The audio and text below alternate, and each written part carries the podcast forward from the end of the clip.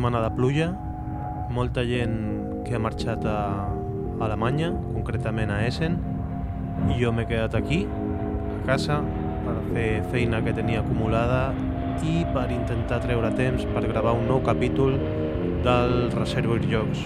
Tots aquells que heu pogut volar i anar cap al Festival Espiel 2011, que ho gaudiu. Quina enveja em feu, cabrons.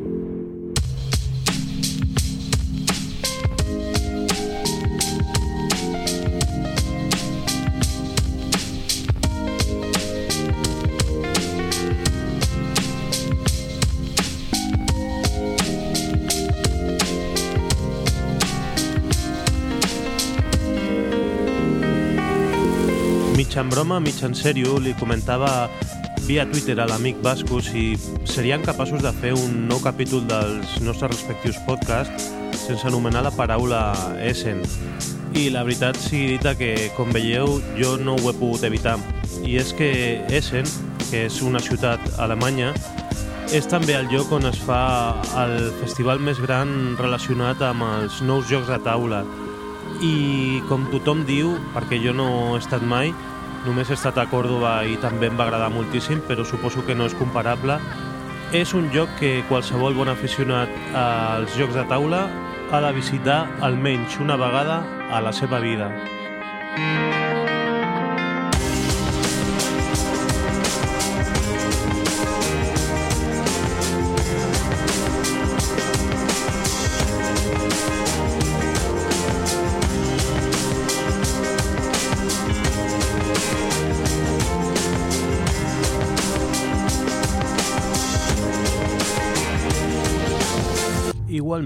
l'únic que us diré d'Essen és tot això que, que heu escoltat ara mateix, perquè sobretot penso que no sóc una persona prou experimentada i a part que tampoc he viatjat cap allà mai eh, per fer-vos una crònica de, del que ja es remena.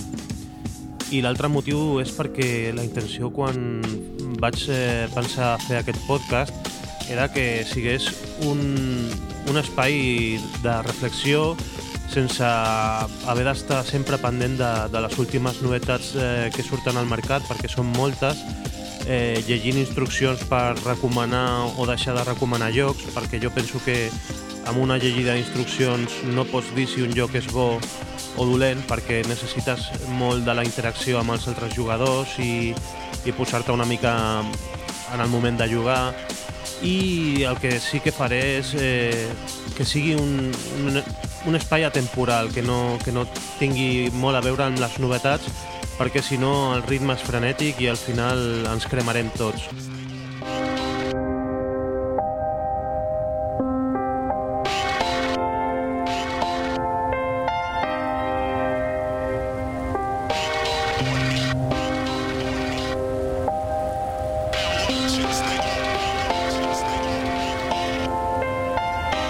A partir d'ara començo a fer un breu resum de, dels temes que tractarem en aquest segon capítol del Reservoir Jocs i començarem per una minisecció que li diré Això és mentida, on comentarem totes les coses que dintre del món lúdic ens semblen que és mentida.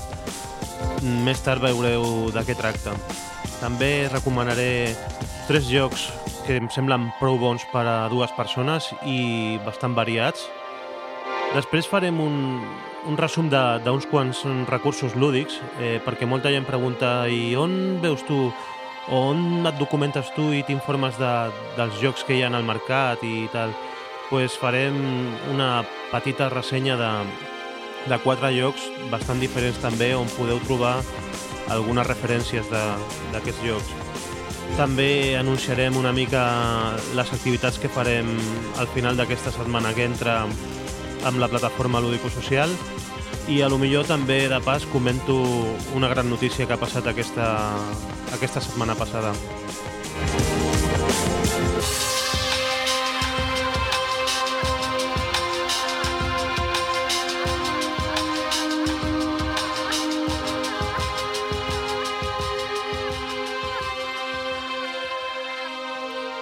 Acaba aquest primer tema que ens ha acompanyat, li donem la volta al disc, posem un altre i comencem amb l'Això és mentida. Amb l'això és mentida d'avui vull desmentir un eslògan que realment considero molt fals i és el de la cadena de, de botigues de joguines i llocs Toys R Us, que diu que si existeix està Toys R Us. Això és fals, perquè només eh, fa falta que aneu a un lineal de llocs i mireu les referències que, que allà teniu. Trobareu els jocs de tota la vida. Mm, trobareu, per exemple, el Trivial, el Risk, mm, el Pictionary, coses així.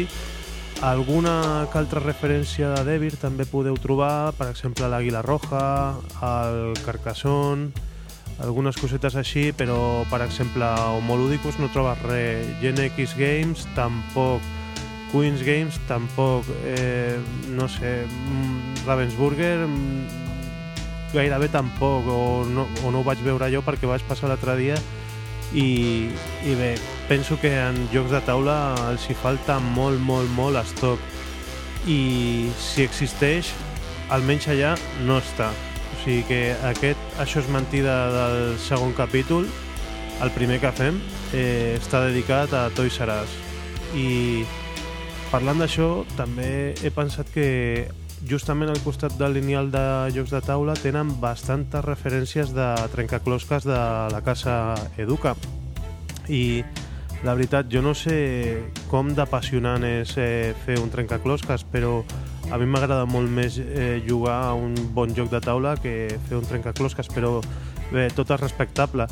Però el fotimer de referències que tenen d'Educa al Toys R Us igual és per repensar una mica el model de distribució, perquè està omplint un lineal de capses de cartró que realment amb el temps que corre que tens una connexió a internet i pots a lo millor mirar totes les referències que et donin la gana i fer la comanda i després recollir en botiga o, o que te l'enviïn directament a casa no sé si els apassionats dels trencaclosques els aniria molt millor aquesta opció que estic proposant o fins i tot en botiga posar un quiosc eh, virtual d'aquests amb pantalla tàctil i tu anar passant un catàleg amb totes les referències dels trencaclosques d'Educa o de Clementoni o de totes les cases de trencaclosques que es vulguin afegir a aquesta proposta que faig des d'aquí i que et posin, per exemple, el nivell de dificultat, el número de peces o alguna cosa així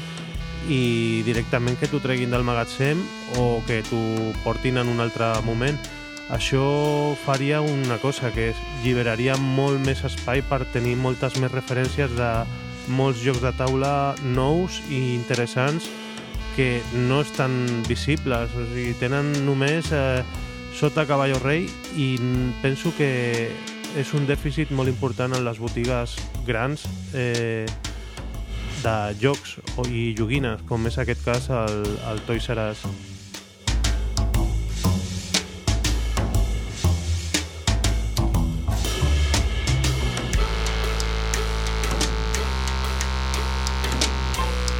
Bé, deixo de fotre canya ja als senyors de Toys R Us i de Duca i passo a recomanar-vos tres jocs per a dues persones que em semblen força interessants. El primer és un joc abstracte. Per abstracte entenem jocs que no tenen associada cap temàtica a la mecànica. Per exemple, els escacs o les dames són jocs abstractes, però aquest és un joc abstracte modern. És un joc d'un autor belga que es diu Chris Bourne i que ha fet una exologia de, de jocs, o sigui, són, és una col·lecció de sis jocs abstractes i són molt, molt interessants, la veritat. Aquest es diu Bon, eh, D, B baixa o N, N. I és un joc que es juga amb dues fases. La primera fase és de col·locació de peces al tauler i la segona és ja de moviment. És un joc que les dues fases estan molt interrelacionades entre elles i segons la col·locació que facis a la primera el joc és més agressiu o, o no. És un joc per si us agrada pensar, eh, molt estratègic i bastant ràpid de jugar. Ara mateix aquest joc el podeu trobar en oferta en una botiga online que es diu Dracotienda a dracotienda.com i el preu pel que surt és 14,95 euros, que està força bé, està com 10 euros rebaixat. Així que ja sabeu si us voleu animar, el teniu d'oferta.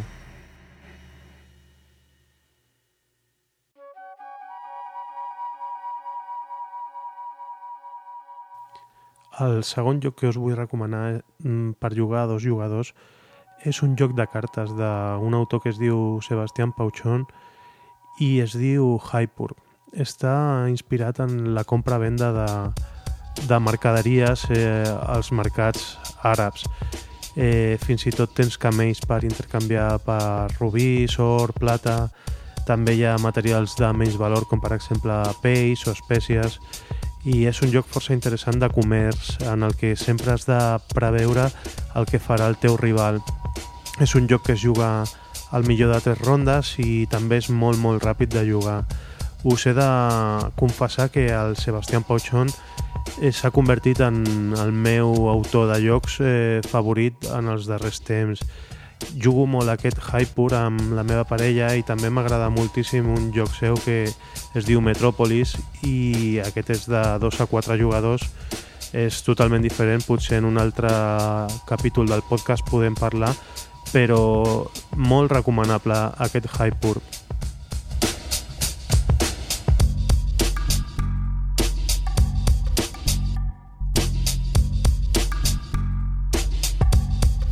I ara que parlem d'autors predilectes, autors favorits, eh, també dir-vos que, que el, a la gent que ens agraden els jocs eh, també tenim autors que, que baixen molt sencers en, en les nostres valoracions.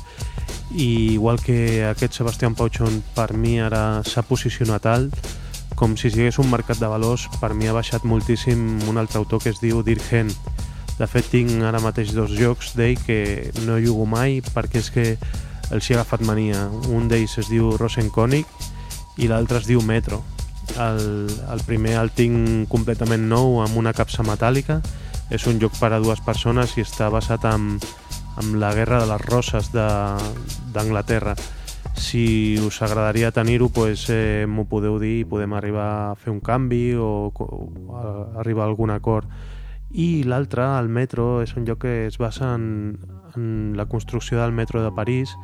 És un lloc de posicionar mm, rajoletes, un tile placement, que es diu en anglès, molt semblant a, a un lloc que es diu Tsuro, que és més conegut. Eh, si us agradaria també provar-ho o, o voleu fer un canvi, pues jo estic disposat, eh, perquè ja us ho dic, és eh, aquest tipus de lloc que li has agafat mania, que no li veus eh, la gràcia i, i ara mateix no, no veu taula mai. Si us interessen, en dieu alguna cosa al mail del programa info arroba reservoirjocs.cat.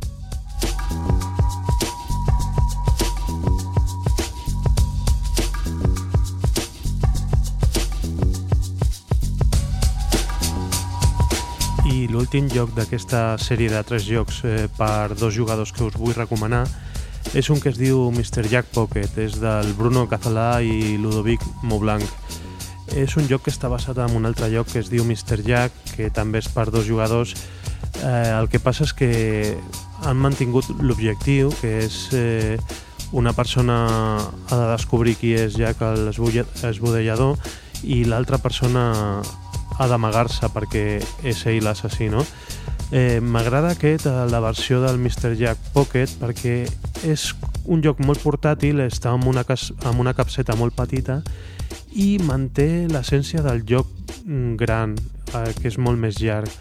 I últimament m'estan agradant aquestes històries d'un joc que manté l'essència d'altre, però eh, es juga molt més ràpid i aquest realment és molt recomanable. Si us agraden els jocs de deducció eh, i així que estiguin relacionats amb personatges eh, històrics com el, com el Jack o el Sherlock Holmes perquè també surt el Sherlock Holmes i el Watson i tal aquest és un joc que us recomano moltíssim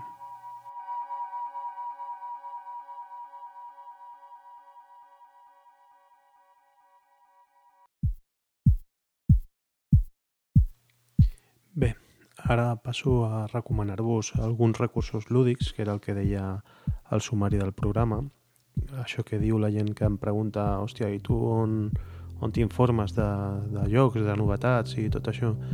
Doncs eh, preneu nota d'aquestes recomanacions que us faré ara perquè són jocs molt diferents i també bastant interessants, la veritat.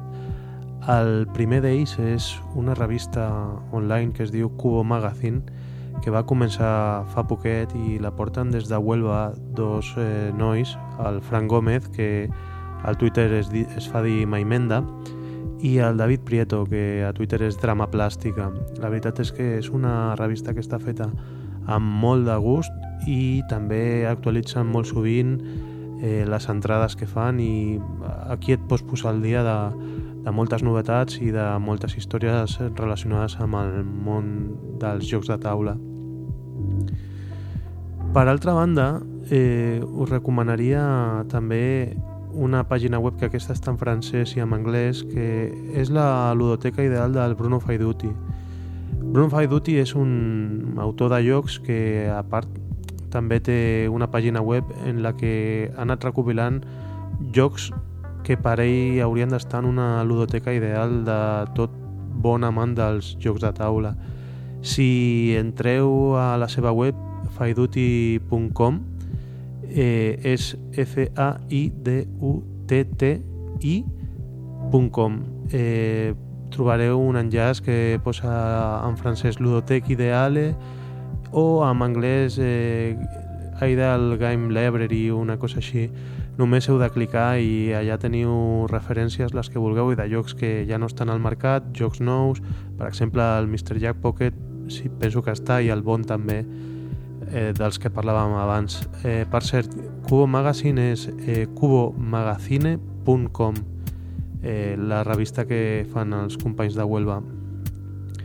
Una altra història, que ja no és ni una ludoteca ideal ni, un, ni una revista electrònica, és un videopodcast molt interessant que està en anglès i que el fa una, una família, la família Titer. Eh, es diu Games with Hayden Hayden és el fill d'aquest senyor, de, penso que es diu Christian Titter, i també té un altre fill que es diu Jackson, que és molt graciós, és més petit. Eh, ell va començar a fer un videopodcast en el que el seu fill gran, el Hayden, presentava el, alguns jocs de taula i a veure si, si teniu canalla i necessiteu algunes idees de jocs molt interessants per nens i després també per no tan, tan nens perquè la veritat és que el Hayden juga també a jocs una mica més eh, per adults, fins i tot el Memoir 44 eh, podeu entrar a aquest videopodcast és un anglès que s'entén molt molt bé perquè és un anglès de d'un nen i, i la pronunciació és bastant bona. Penso que són de Seattle i s'entén força bé.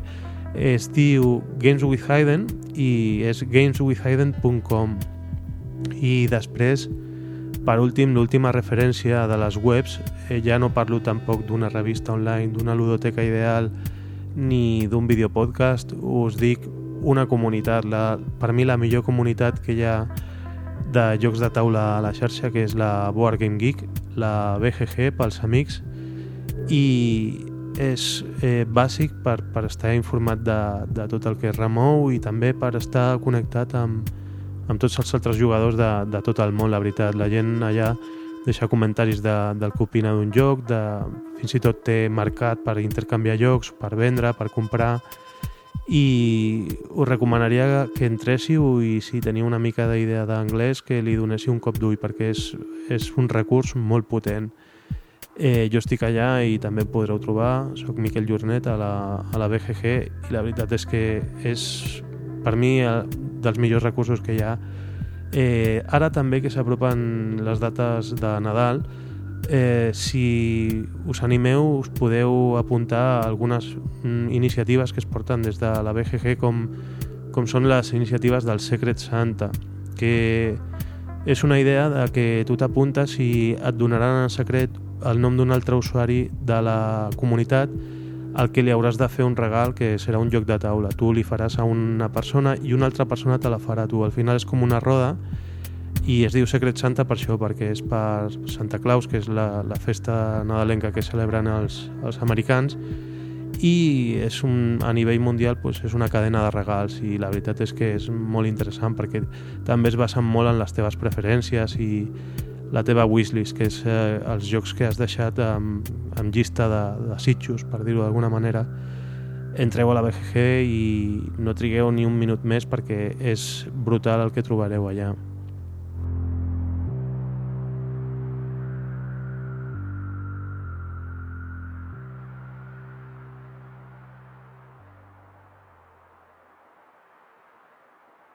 En contraposició al que va passar al capítol anterior, que teníem la mala notícia de la pèrdua de l'Steve Jobs, penso també que és important recalcar les bones notícies que es donen i vull alegrar-me amb vosaltres de el darrer anunci que ha fet la banda terrorista ETA. Penso que és una molt bona notícia.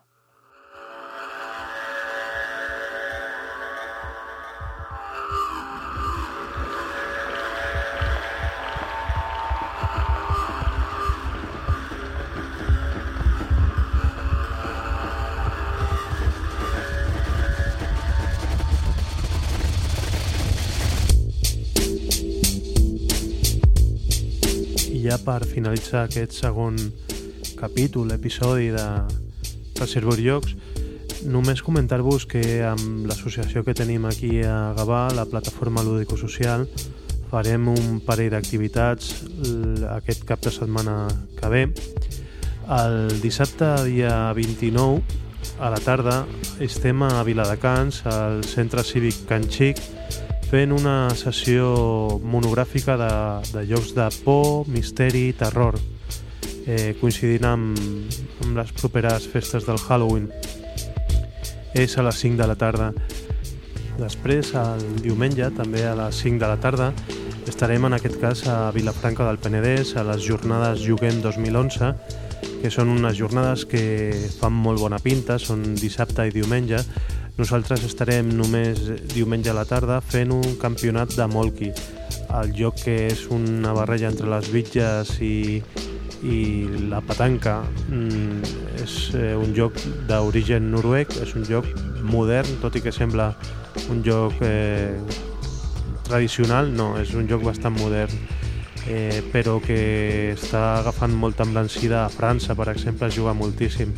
Si voleu provar el Molki i tenir també la possibilitat de guanyar algun joc, perquè ens han dit els organitzadors que tindrem premi per la persona campiona d'aquest primer torneig que fem allà a les jornades eh, Juguem 2011 de Molki, eh, ja ho sabeu, a les 5 ho farem segurament fora si fa bon temps i si no ens buscarem la vida i igual ho fem dins, si es pot.